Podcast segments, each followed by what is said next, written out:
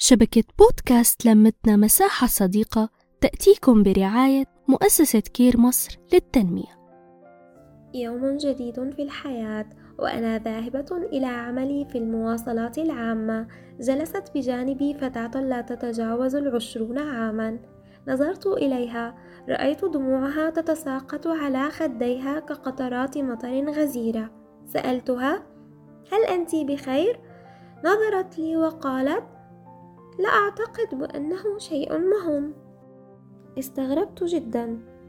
ما الذي جعل بفتاة في سنها بهذا الشكل؟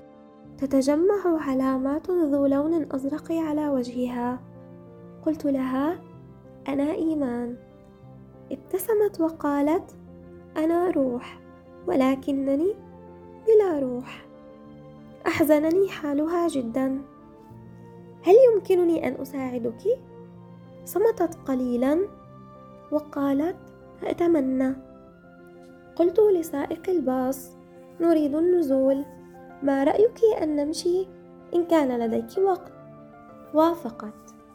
قلت لها يمكنك التكلم فأنا الآن أسمعك بكل آذان صاغية. أنا فتاة العشرون عاما. منذ ولدت لهذه الحياة وأنا أصبح وأمسي بضرب. من والدي؟ لا أعلم لماذا.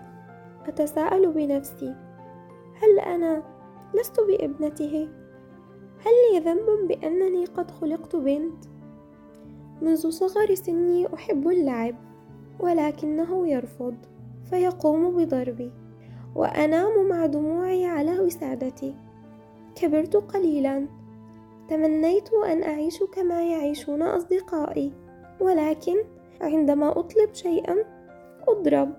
أتنفس أضرب. أضحك أضرب.